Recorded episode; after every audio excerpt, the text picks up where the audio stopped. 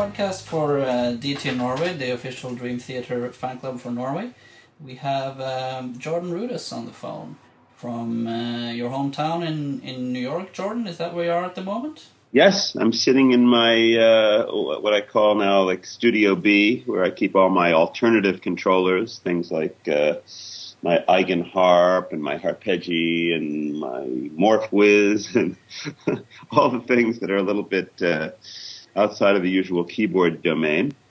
And, and I'm guessing that room was starting must start to be really full after all your um, uh, trials with all new types of instruments lately, like you mentioned the Eigenharp and the Harpejji and you know all your other gadgets. Uh, uh, to start with, the, the MorphWiz, how did that idea come up to to create that? Was that something that you came up with, or did did someone approach you to make something? Um, well, here's how it worked. Uh, when I first discovered the multi-touch functionality of the iPhone, uh, I really got a strong feeling about uh, what you could do creatively, and I started to get very into um, exploring all the possibilities, and, and at first just seeing what people were creating. Um, and at some point, along came a program called Bebot, which was kind of like a uh, a vertical grid in some ways similar to a continuum type of thing um, concept, and I was really turned on by it. I thought, "Isn't this cool?" So I got involved with uh, working with a guy, a wonderful guy named Russell Black, who's in Australia, and uh, we started to add some features to it, and I started to apply myself kind of to the whole thing, and that was a lot of fun. And then along the way, I realized that it would be so awesome to be able to kind of bring this whole thing to the next level and design an instrument that was based on the whole kind of continuum-ish vertical grid concept, but uh, go into a uh, an area where you started to incorporate more of what this uh, iPhone, iPad type technology can really do. And specifically, I mean starting to put together the whole um, concept of audio and visual as one. I've always been interested in that. Uh, matter of fact, when I started with Dream Theater, it's something that I began doing even on the scenes from a memory tour, where I would control some of the visuals from moves I would make on my keyboard, whether it were with a modulation wheel or a slider or whatever.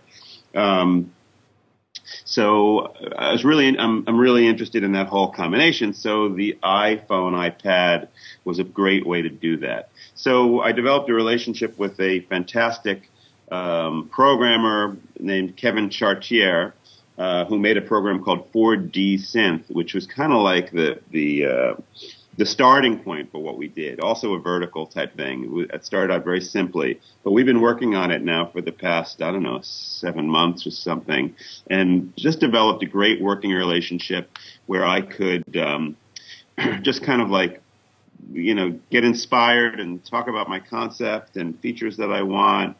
And we ended up putting together this really cool program, which is, you know, now called MorphWiz.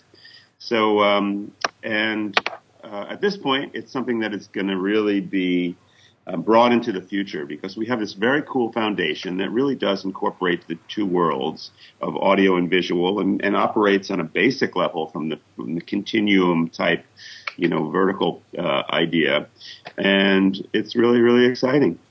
And I see that the, the MorphWiz application has become really, really popular for uh, for both the iPad and the iPhone. And it's it's really interesting that you mentioned the the combination of the audio and the visual. Do you do you see yourself taking the visual part of it one step further with Dream Theater, um, controlling even more visual parts on uh, of the stage setting, or um, do you think you'll continue the way that you have, maybe control little bits here and there, or uh, when you use the iPad, do you think that you could be you'd be able to actually bring up the screen so that the, the the audience can see what what you see on the iPad and and partake in the whole experience.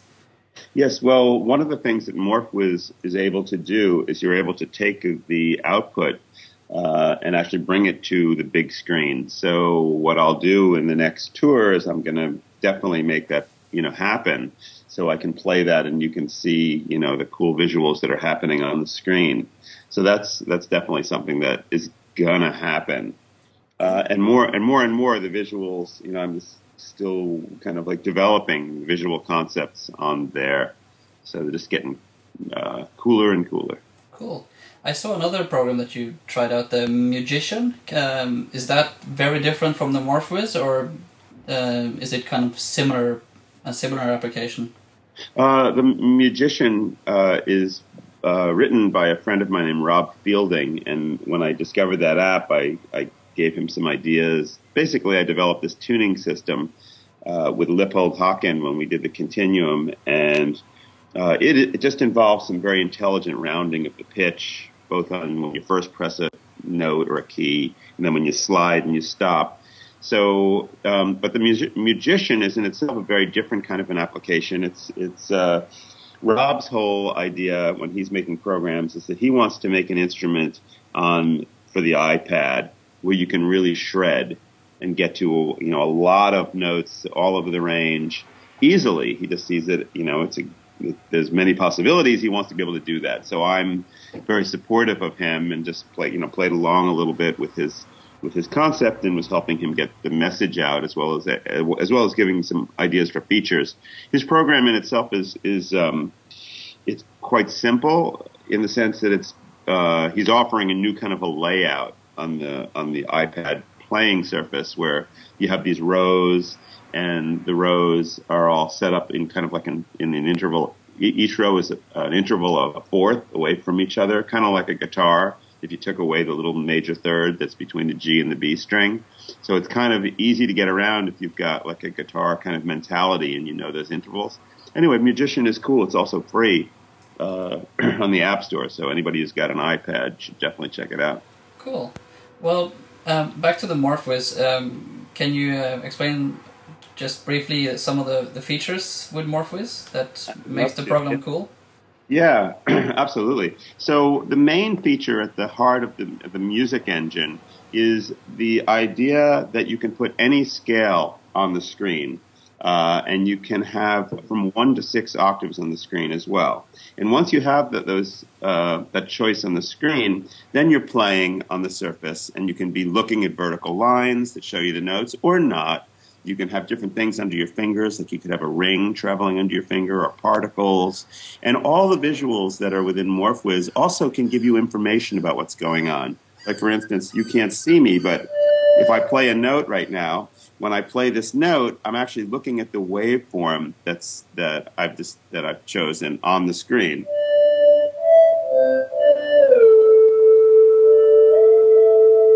So um, it shows you the waveform. It also can show you whether your whether your note is in tune or not by um, the, the, color, the coloring of the um, of the pitch. So what's happening is like right now I have a pentatonic scale on the screen, and I can either what we call lock the pitch or or snap to the grid like this kind of thing and slide my finger. Or I can take the lock pitch off and I can slide. But even if it's even if it's set to slide, when my when my finger first lands on a note, it will play a definite diatonic pitch. So as long as I kind of play a new note, even if I don't look at the screen,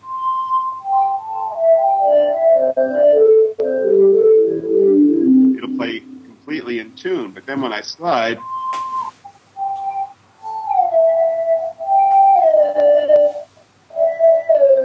and when I slide and stop my finger, it will recognize that my finger stopped and it will tune it to the nearest uh, grid line or the nearest pitch. Hmm. So what that enables me to do is I could play uh, a chord, for instance, like uh, let me play this. And, then if I slide my finger, you can hear it. It immediately goes right into, into tune. Like here's another chord, and I'll slide my finger so you can hear it move.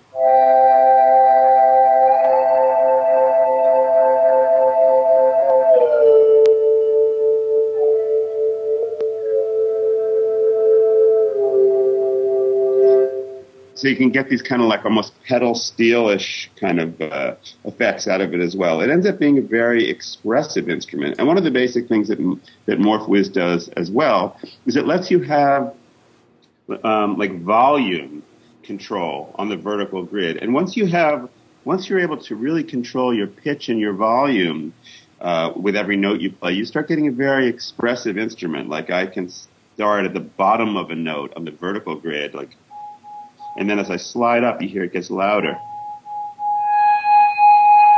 And then I can come down. Here's another one. And what's really cool is even if the pitch is what uh, I call locked, like I, I mentioned before, where, where the note is snapping, here is locked.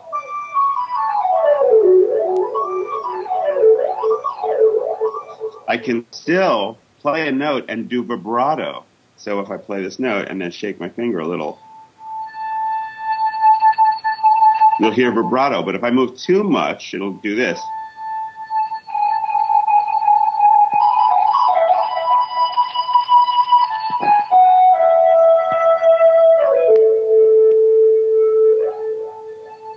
And what's awesome is that when you're controlling the volume like that on this on this particular app, you have independent control of every note. So like one note can be very loud, like let's say I fade this note in, right?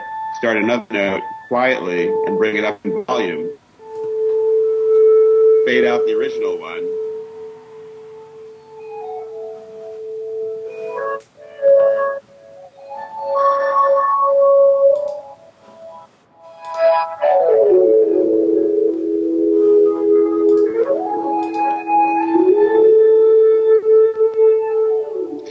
What's amazing and what people need to realize is that the the iPad is not just like this gimmicky kind of thing where you're where you can play with toys or you're doing some kind of like imitation of a particular instrument. It also has the capability of really changing the course of um, electronic music development in our time. I mean, it's amazing that you can hold in your hand now uh, an instrument like this or a device like this that becomes this truly expressive, forward-thinking musical instrument. And you know, I, I'm excited about it because I've been dreaming about this kind of control for so many years, way before even the Continuum came out. I had the vision of this type of thing.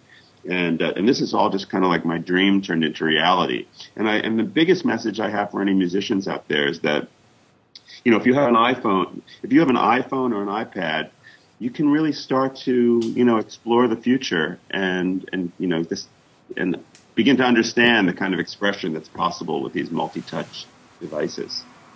Yeah, that was that was my my instant thought as well when I when I first tried the MorphWiz. Um, I was thinking, wow, this is this is something that you know every every keyboardist or every uh, band is gonna really really um, incorporate in their music because they always try to create sounds and create a feel to their music that might be difficult with the conventional keyboards or pianos and um, with a program like the MorphWiz, like you say, it's you know it's there are no limitations really to the to the sound you create.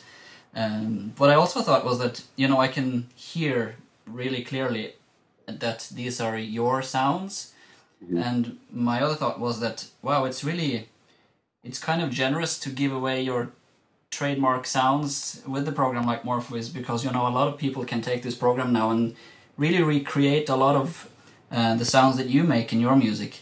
Um, well, yeah, a lot of it, a lot of what I think you're pointing out is that I've been exploring and kind of involved in this almost like fretless kind of idea where I'm sliding the pitch. You know, it's not so much on MorphWiz, it's not so much the tone that I've used before. Like my continuum sound is generally very different or my lap steel sound is a different sound. However, the idea of being able to smoothly slide the pitch and get to any other pitch and control the volume in that way is become a very Jordan kind of a thing. And that's what this is all about. So even if you have an iPhone or an iPod, if you get MorphWiz, you know, it's not going to be the, the ultimate musical, uh, uh, playing experience just because the screen is so small on the iPhone or the iPod.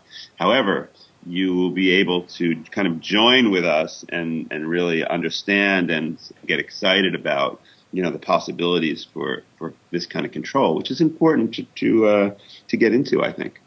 Um, and also, um, I I've spoken to a few few people that you know comments on the on the MorphWiz, and everyone says that oh Jordan must obviously be very uh, uh, very interested in new you know, new technical gadgets and so on. But listening to what you're saying now, it's more to kind of break boundaries uh, musically and try to uh, create new programs and new ways of thinking with uh, in the in the terms of creating music. Would that be yeah. would that be correct? Is it more? Is it the interest of kind of new new gadgets or new technological things like the iPad and iPhone and so on, or yeah. is it is it about kind of breaking the boundaries and thinking new ways of creating music? Yeah.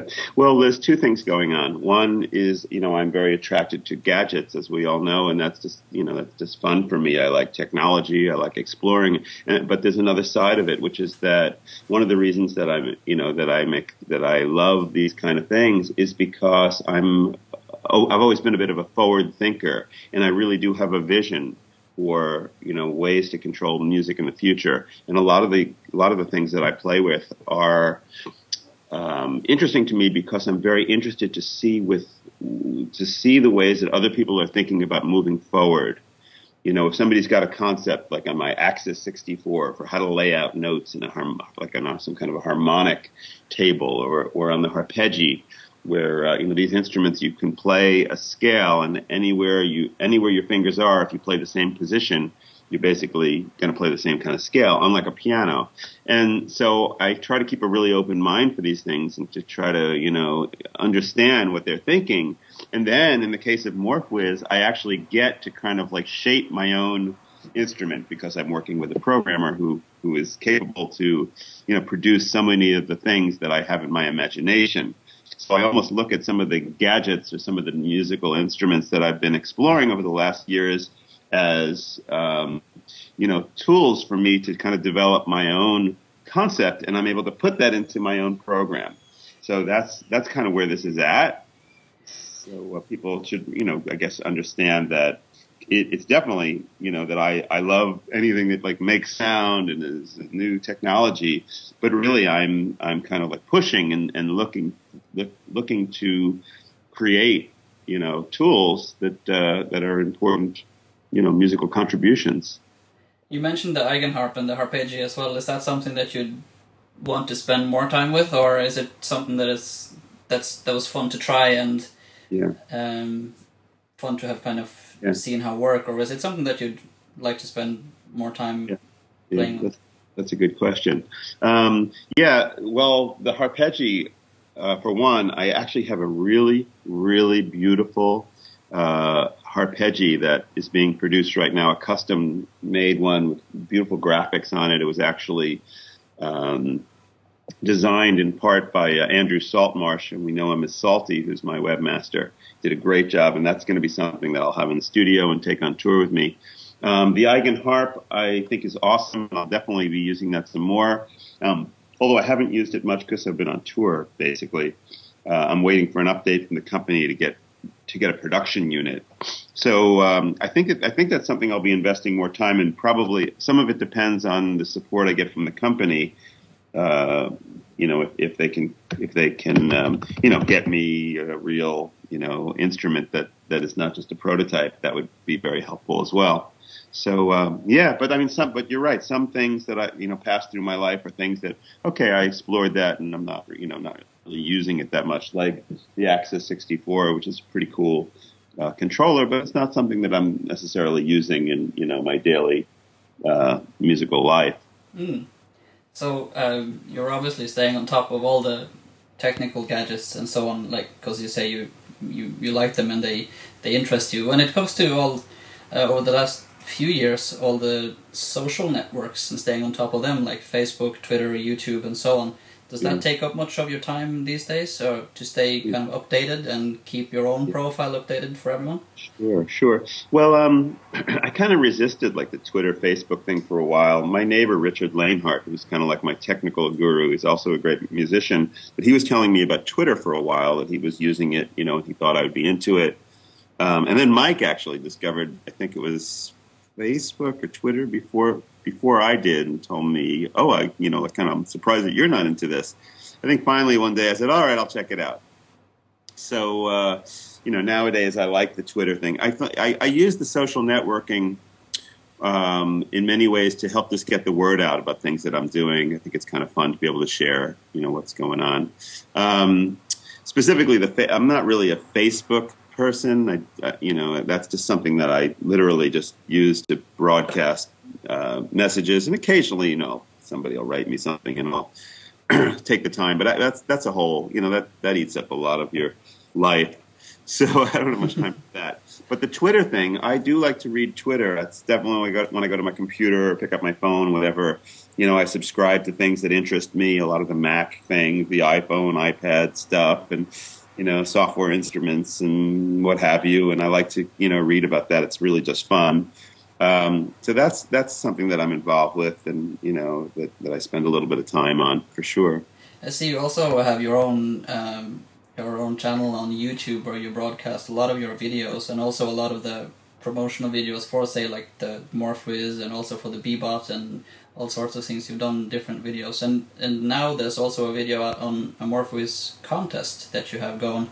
Right. Um, right. When when is the deadline for the MorphWiz contest? Oh, you've got to be very very quick if you want to enter the MorphWiz contest. And the MorphWiz contest is actually getting has gotten really. There's not that many entries actually, but the ones that have come in are so. Some of them are so clever. Um, there's actually a really amazing one from Hungary that the guy was just having some trouble like with putting it on YouTube because it was long, but also because I think he used a Dream Theater song in it, so that wasn't quite you know acceptable as far as uh, publishing rights. Yeah. But anyway, I hope that that goes up soon. But yeah, you have until uh, until August first, uh, which is not that far away, to submit your MorphWiz entry.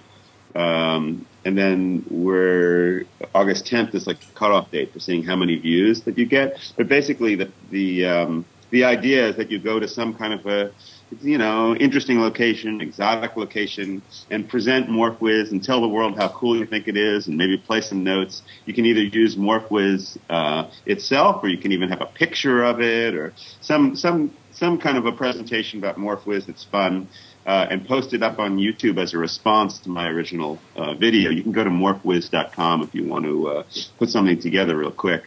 Um, but that's you know that's the concept for that. And then the prize is let's see, what did I say? We'll get to spend some time with me on Skype and ask me whatever you want, or have a MorphWiz lesson, or something like that. I was offering two after show passes to any Dream Theater show coming up in the future that you might like as well, and a signed T-shirt uh, in addition. So those are the prizes, and I hope I hope some of you are, that are listening want to. Uh, want to check it out. Maybe this podcast won't even happen until after that. I'm not sure, but there's a chance I'll extend I'll extend the deadline a little bit. So uh, just keep your ears and eyes open for that. Cool. Yeah, it's a really good way to advertise for for the MorphWiz, and also you know it, it's a lot of free advertisement for the iPad and the iPhone, and um, like I wouldn't be surprised if Apple rang you up and uh, and asked if you know they could endorse you with their products because um, you know you've given both the iPhone, iPod, and the iPad great um, um, advertisement over the past couple of years.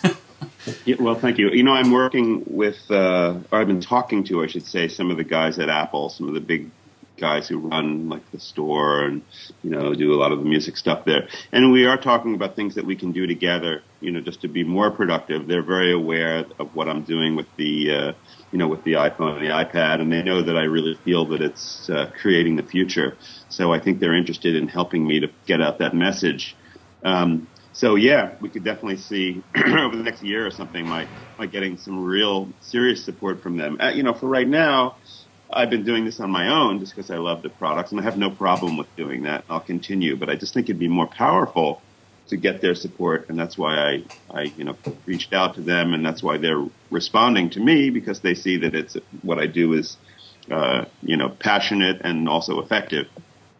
Cool. That'll be interesting to see how that goes, and to see if you have a even closer relationship with Apple than in the future.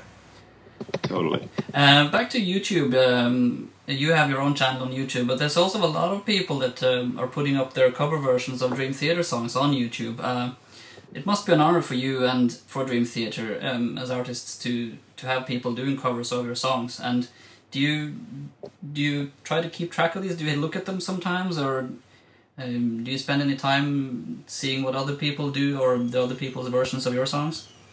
I'm sorry, the beginning of your question got cut off. Do that again. Say that again. Um, a lot of people are doing cover versions of your songs and Dream Theater songs on YouTube. Um, and I was saying there's it must be an honor for you to have people doing covers of your songs. And do you try to keep track of them? Do you listen to? Do you watch any of the videos?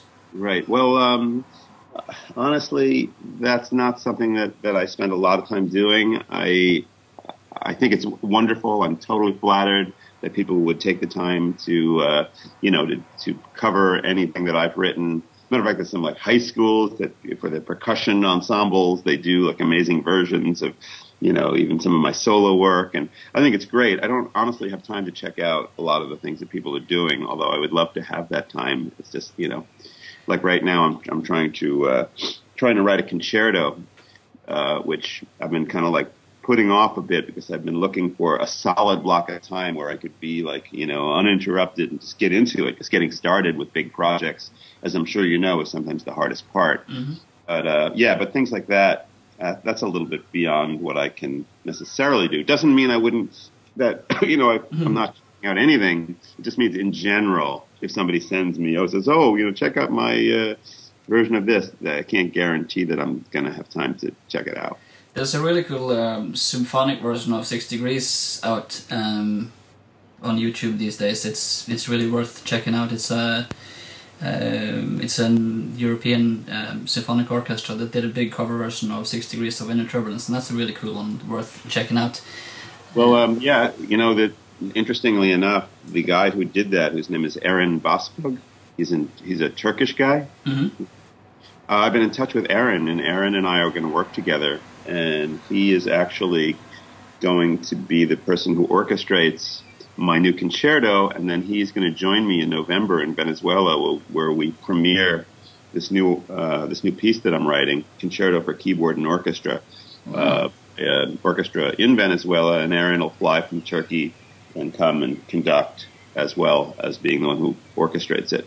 Well, So there that's, you go. that's amazing. And you you guys got in touch over the internet then? Yes, you know, sometimes the internet can really find, even though I just said that I don't necessarily check out other versions. yeah. Somebody does something like that and like they figure out how to orchestrate an entire album and put together an orchestra and conduct it. And I mean, that, you know, that's something, I'm not blind, you know, so, so that's something that is just, this, Eren is just a phenomenal talent, you know, uh, uh, I just have a lot of respect for what he's able to do musically and beyond what he's able to do musically. I think that, you know, someone like that who can make something happen against all odds, because Eren told me that his school that he, uh, you know, is involved with didn't even really want him to do that and wasn't supportive.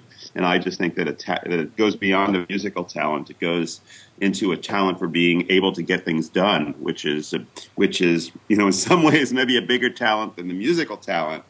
Um, you know, and I have a lot of respect for that. So yeah, so I got in touch and we're going to work together and, and hopefully we'll be able to do a bunch of things together. Cool. And um, we'll be looking forward to more information or to updates on your your new project, and that will be um, premiering in Venezuela in November. That'll Yes. be very interesting. Yeah, it should be really cool. Now you've done some cover versions of songs from like of your um, idols as well, like ELP and so on. Did Did you see ELP in London this summer at the High Voltage Festival? I didn't. I would have liked to. Did Yeah. you see? Them? No, I didn't see them. Um, Kim in the fan club, he saw them, and I. Um, they must have been great, from what I can Oh, understand. Yeah. I saw Lake uh, and Emerson together, or should I say Emerson and Lake together in New York doing some stuff not very long ago, and it was fun to sit. You know, it's fun to be there. yeah, Um, and Keith Emerson over the years has become a friend of mine, and um, which is really fun for me because he was one of my biggest heroes, you know, and influenced me a lot with his music, especially Tarkus, which is one of the pieces that I've covered. yeah. But um, yeah, it's a trip, you know. Are there any other bands you're following at the moment that you're listening to? Uh, up and coming bands, or maybe some older bands that you've rediscovered? Uh, let's see, what am I listening to lately? I could tell you. Um, well, you know, I'm always uh, these as far as prog rock goes. You know, of course, I'm a Porcupine Tree fan for sure. But um, I'm also rediscovering uh, Alice in Chains. Wow. I've just been enjoying listening to their music, which I never heard a lot of, but I've been kind of getting into it. Um, I've I just went to see a Rush concert the other day, and I kind of like remembered how how wonderful Rush is. Matter of fact, I met Geddy and Alex. I did not meet Neil, who of course has become a bit of a friend of Mike. Mm-hmm. Um, but that was really fun for me. I had a great day out there meeting them and seeing the show, and so uh, that was cool. So I've been you know listening to Rush a bit again, and I've been listening to a lot of classic music because I've been uh, kind of studying some of the greater uh, concertos, piano concertos, like you know Rachmaninoff and Prokofiev and mm-hmm. Liszt, all these things.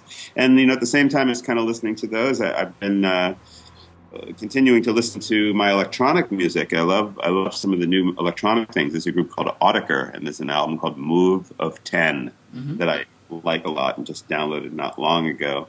Um, what else? And then I listened to. I've been listening to the new Jeff Beck, the newest Jeff Beck album. It's called Emotion and Commotion. Cool. It's kind of cool.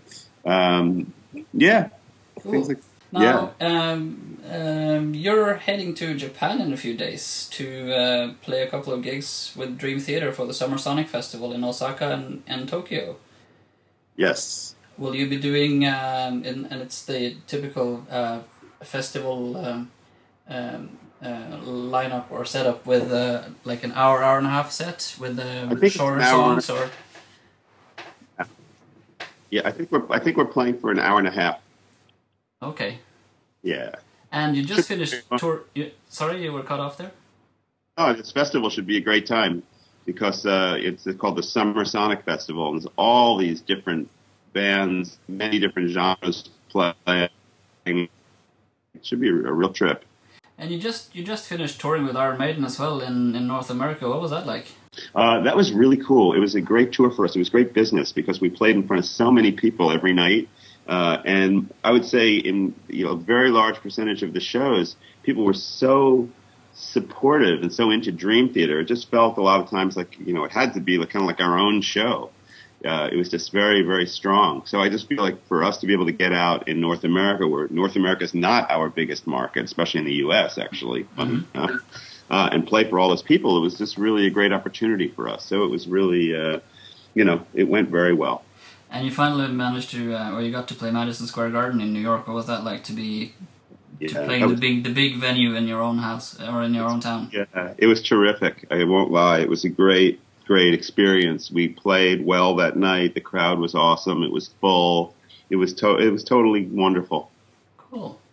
Well, um, I just want to wish you the best of luck for the two shows in Japan. Have a great trip over to Japan, and uh, we'll be looking forward to more um, updates on your next solo project, um, and uh, also um, waiting to hear more news from the Dream Theater camp uh, when um, when you guys have been to Japan and so on. Awesome. Very good. It's wonderful to talk to you. I wish all the fans the best, and I hope to see all of you.